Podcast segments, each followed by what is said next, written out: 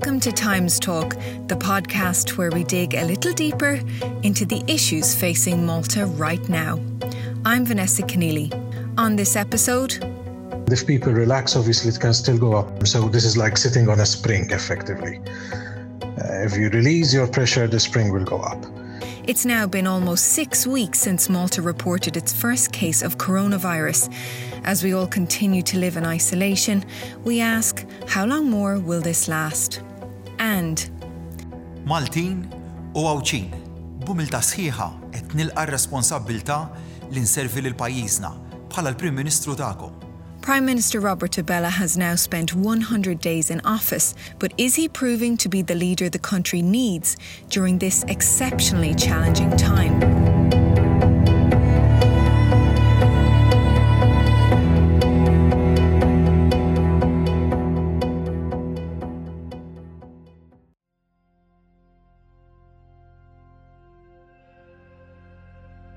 On March 7th, Malta reported its first case of COVID 19 and joined the global battle to stop the spread. Up until the time of recording, there were more than 450 cases across the islands and three deaths. Healthcare workers are exhausted, most industries have screeched to a halt, and who knows what state the economy will be in when all this is over. This week, we were told Malta's reproduction number has dropped to 1.1. If we get it below 1, we're told things can start to go back to normal. But at what pace? It's something I discussed with Professor Neville Calleja, who's an epidemiologist as well as a lecturer at the University of Malta. So, um, indeed, as you probably would have imagined, small countries, first of all, get a lot of fluctuation. However, what, what I can say hand on heart is that throughout the period of the epidemic, so the epidemic, you know, we've had the first case on the 7th of March. Um, throughout the course of the epidemic, we have not yet seen the what we call the reproduction number that has been observed in most of the countries ab- abroad. So uh, I think this part of epidemiology has become part of uh, layman's language now, the reproduction number, which is um, how fast, or rather, how many people uh, would an infected person infect. And if everybody goes around, you know, with his usual business, that is ex- that is um, calculated to be around 2.2. Obviously, it depends on the social circumstances. Now, we've never seen that yet in Malta. So the worst we've seen was around um, 1.5. Okay, um, and then it it basically keeps keeps varying. So what we're seeing is something which is looking better than 1.5, but is still not under one. Why is one such a big deal? This reproduction number of 1.0 would be the one to aim for um, going below, rather, because uh, potentially, if you have one person infecting one person, becomes infinite, right, in terms of duration. It's not the case, of course, because the population is finite. Um, but what we really need to aim for is obviously pushing it below 0.9. Its natural tendency is for it to go up. And if people relax, obviously it can still go up to 2.2 and beyond. Um, so this is like sitting on a spring, effectively. Uh, if you release your pressure, the spring will go up. Um, so it's as simple as that. But what I can say is that thankfully, with the collaboration of you know most of the population, etc., etc., we have not seen the proportions, you know, um, of the epidemic that we have observed in other countries. There is a feeling that the people are getting a little bit restless and you know, in terms of, I mean, just amongst mm-hmm. the, I know you yourself have had meetings with the, the World Health Organization. What is the, what is the collective feeling? Mm-hmm. A lot of people are asking, how long more will we have to do this? Um, what, what is the feeling amongst the epidemiology so, mm-hmm. community about, about the trend and what it's teaching us about how, how long more this will last? So, what we can look at really is, I mean, frankly, no country has sort of opened up and waited long enough to see whether that uh, release of pressure, so to say, was okay in terms of timing or not. So we're seeing China opening up now, um, pretty much completely. Um, we'll have to see whether that works or not. We hope it does. Now, if we look at the Chinese experience, it was roughly three months. Um, then again, the period that a country remains in lockdown depends on uh, the course that the epidemic takes. So we've used the term flatten the curve, and I think it's become, you know, quite quite uh, a meme, if I can say that. Um, flattening the curve means keeping the same volume of page of persons affected, but over a longer period of time so that the health system can cope. But obviously, there's the element of time there. Um, what happens is um, so if we are keeping the, this is in keeping also with my previous answer, if we are pushing down our reproduction number, okay, that will flatten the curve. If we go beyond one, we can actually stop talking so much of flattening the curve because we're actually removing part of the curve. We are forcing the epidemic to start slow down to slow down. So it really depends on the rest of the trajectory of the epidemic. If people get restless and go out, we have two scenarios, um, but uh, basically both of them tragic. One of them is that very, very few people um, let go. We get still an R number which is higher than one, so that takes us ages to, to get rid of the epidemic. If lots of people come out, we can make the epidemic go quicker, if you wish, but at a very high cost in terms of loss of life. Okay, I mean, we've seen this. We've seen this in Italy, in the US, in, in, in the UK, so we've seen the story before in other countries. How long? It's something that is very, very difficult to predict at this stage. We've seen countries who have had a tough time now thinking about opening up. Unfortunately, there isn't yet enough experience to decide when we should open up or not.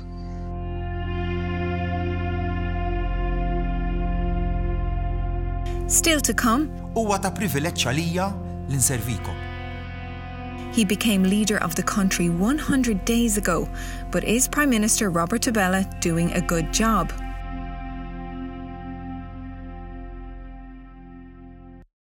At the Times of Malta, we know this is a tough time for everyone, and we're going through it too. We're doing our best to bring you the most factual information every day and put pressure on authorities to answer all of your questions and more. But independent journalism costs money, and we need your help. Please go to www.timesofmalta.com forward slash donations and give us as little as €2. Euro. Thank you.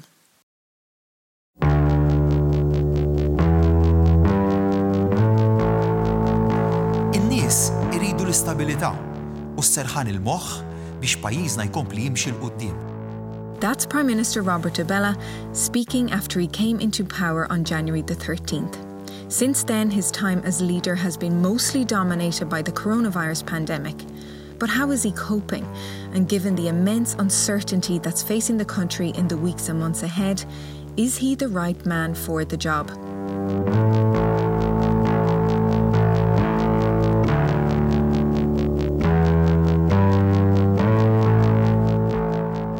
Joining me now is editor in chief of the Times of Malta, Herman Grech. Hi, Herman. Hi, good morning take us back 100 days ago, which was January the 13th. That's when Robert Abela took over from Joseph Muscat. Remind us what the country was like then. Well, it was uh, pretty messy at the time. We had just come out of about two or three months of political strife, uh, well, more of strife. It was actually an earthquake brought about uh, from the fallout of the Daphne Caruana Galizia murder probe. Um, the prime minister was forced to resign um, almost in, uh, in, disgrace um, because of the connections between uh, some people in his office and the actual murder investigation. So um, there were protests in the streets. I've never seen so, those kinds of protests, Venice on the street and Malta in my life. So it was quite surreal that we uh, suddenly, Joseph Muscat, who seemed unbeatable, and he was unbeatable in elections, had to leave um, in, in this way. Robert Abela got in quite surprisingly, actually, in the end. Tell us about that. Oh, yes, because, I mean, it was Chris Fearne who was a firm favourite. Chris Fearne, who was the deputy prime minister, to firm favourite to, to, to get the post. I mean, he was the favourite in the surveys. Um, he seems to have um, a way of communicating with people, and he was a moderate. But uh, Robert Abela came out of nowhere, started uh, lobbying the grassroots, and ultimately it is the grassroots that matter. He even shunned the media. He didn't even give any interviews to the independent media in the run up to the election. And on uh, you know the weekend of January 12th, he ended up being elected. And you know he was quick to make to show to put his stamp on government in the first few days.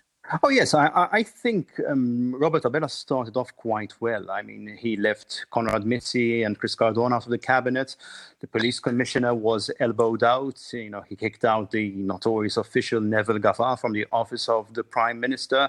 I mean, he made sure that the makeshift me- memorial to Daphne Caruana Galizia was not touched. You know, I mean, decisions should which should have been obvious but at least he followed through with them. I mean, and for all the claims that there were at the time that he was Joseph Muscat's clone and he was supported by Muscat, Abela in the first few days uh, was seemingly his own man. And suddenly, even his biggest critics started saying, let's give him a chance.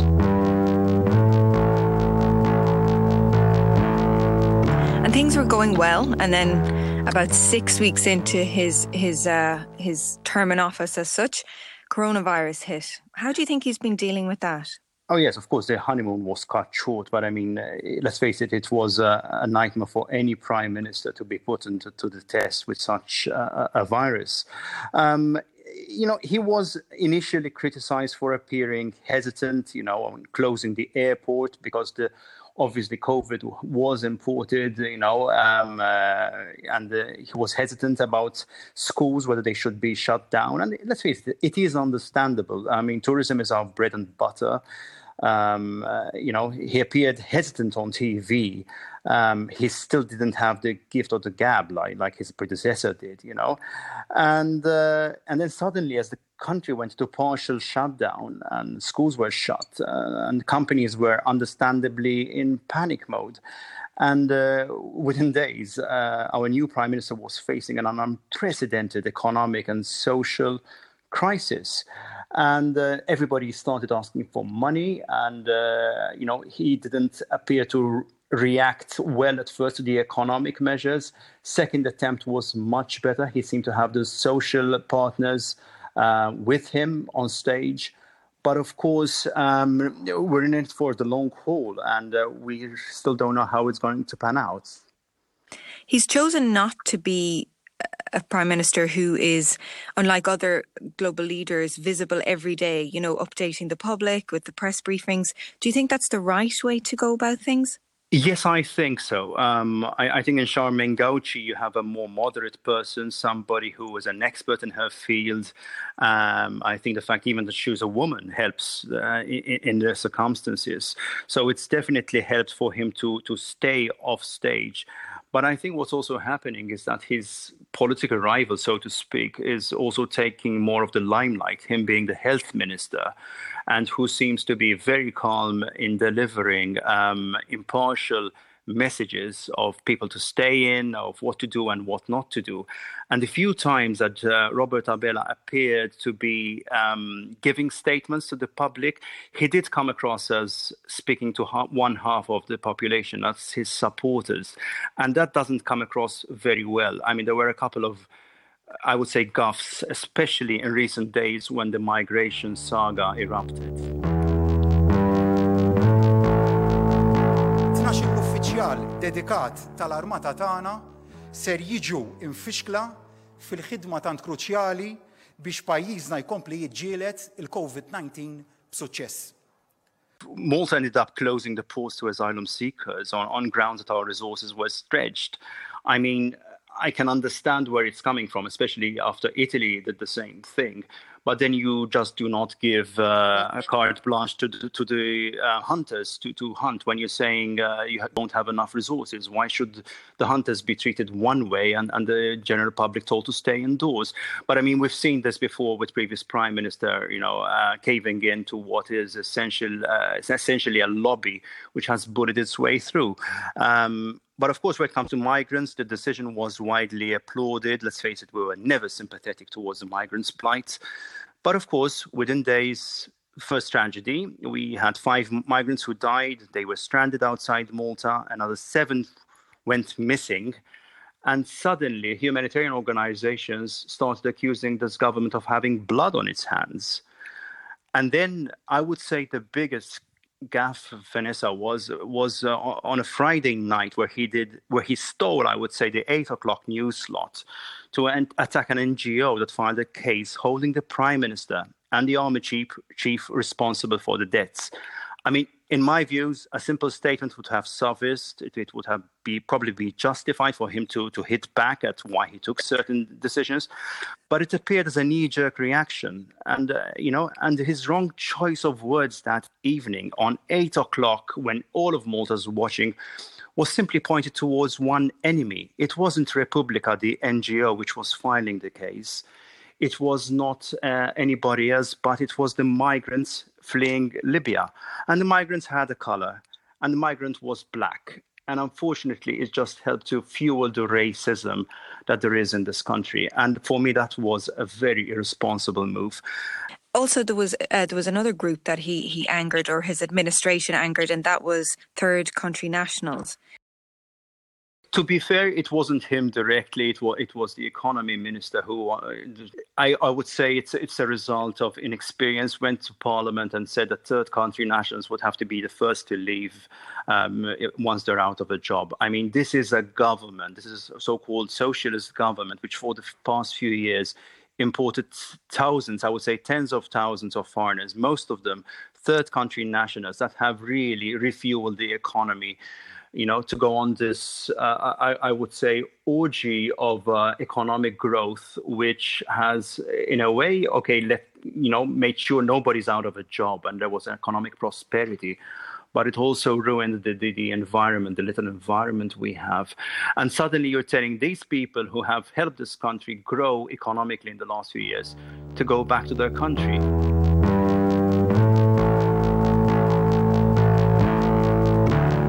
The weeks and months ahead for every leader in the world are crucial. Do you think Robert Abela is a steady hand?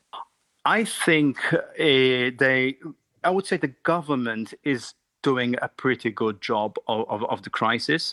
I think they have managed to contain uh, COVID 19 to a certain extent, uh, but we still have to see the economic fallout. And unfortunately, I fear this is going to get really worse in the next few months because uh, you know, over a third of our economy relies on tourism.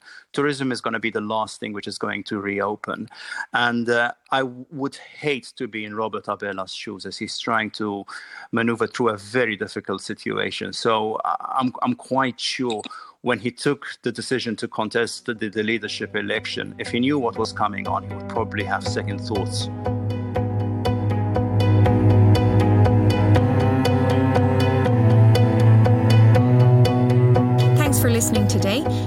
Course, get more information on any of these stories or other national and international news on our website, timesofmalta.com.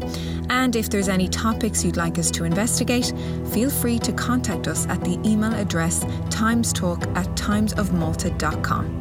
Goodbye.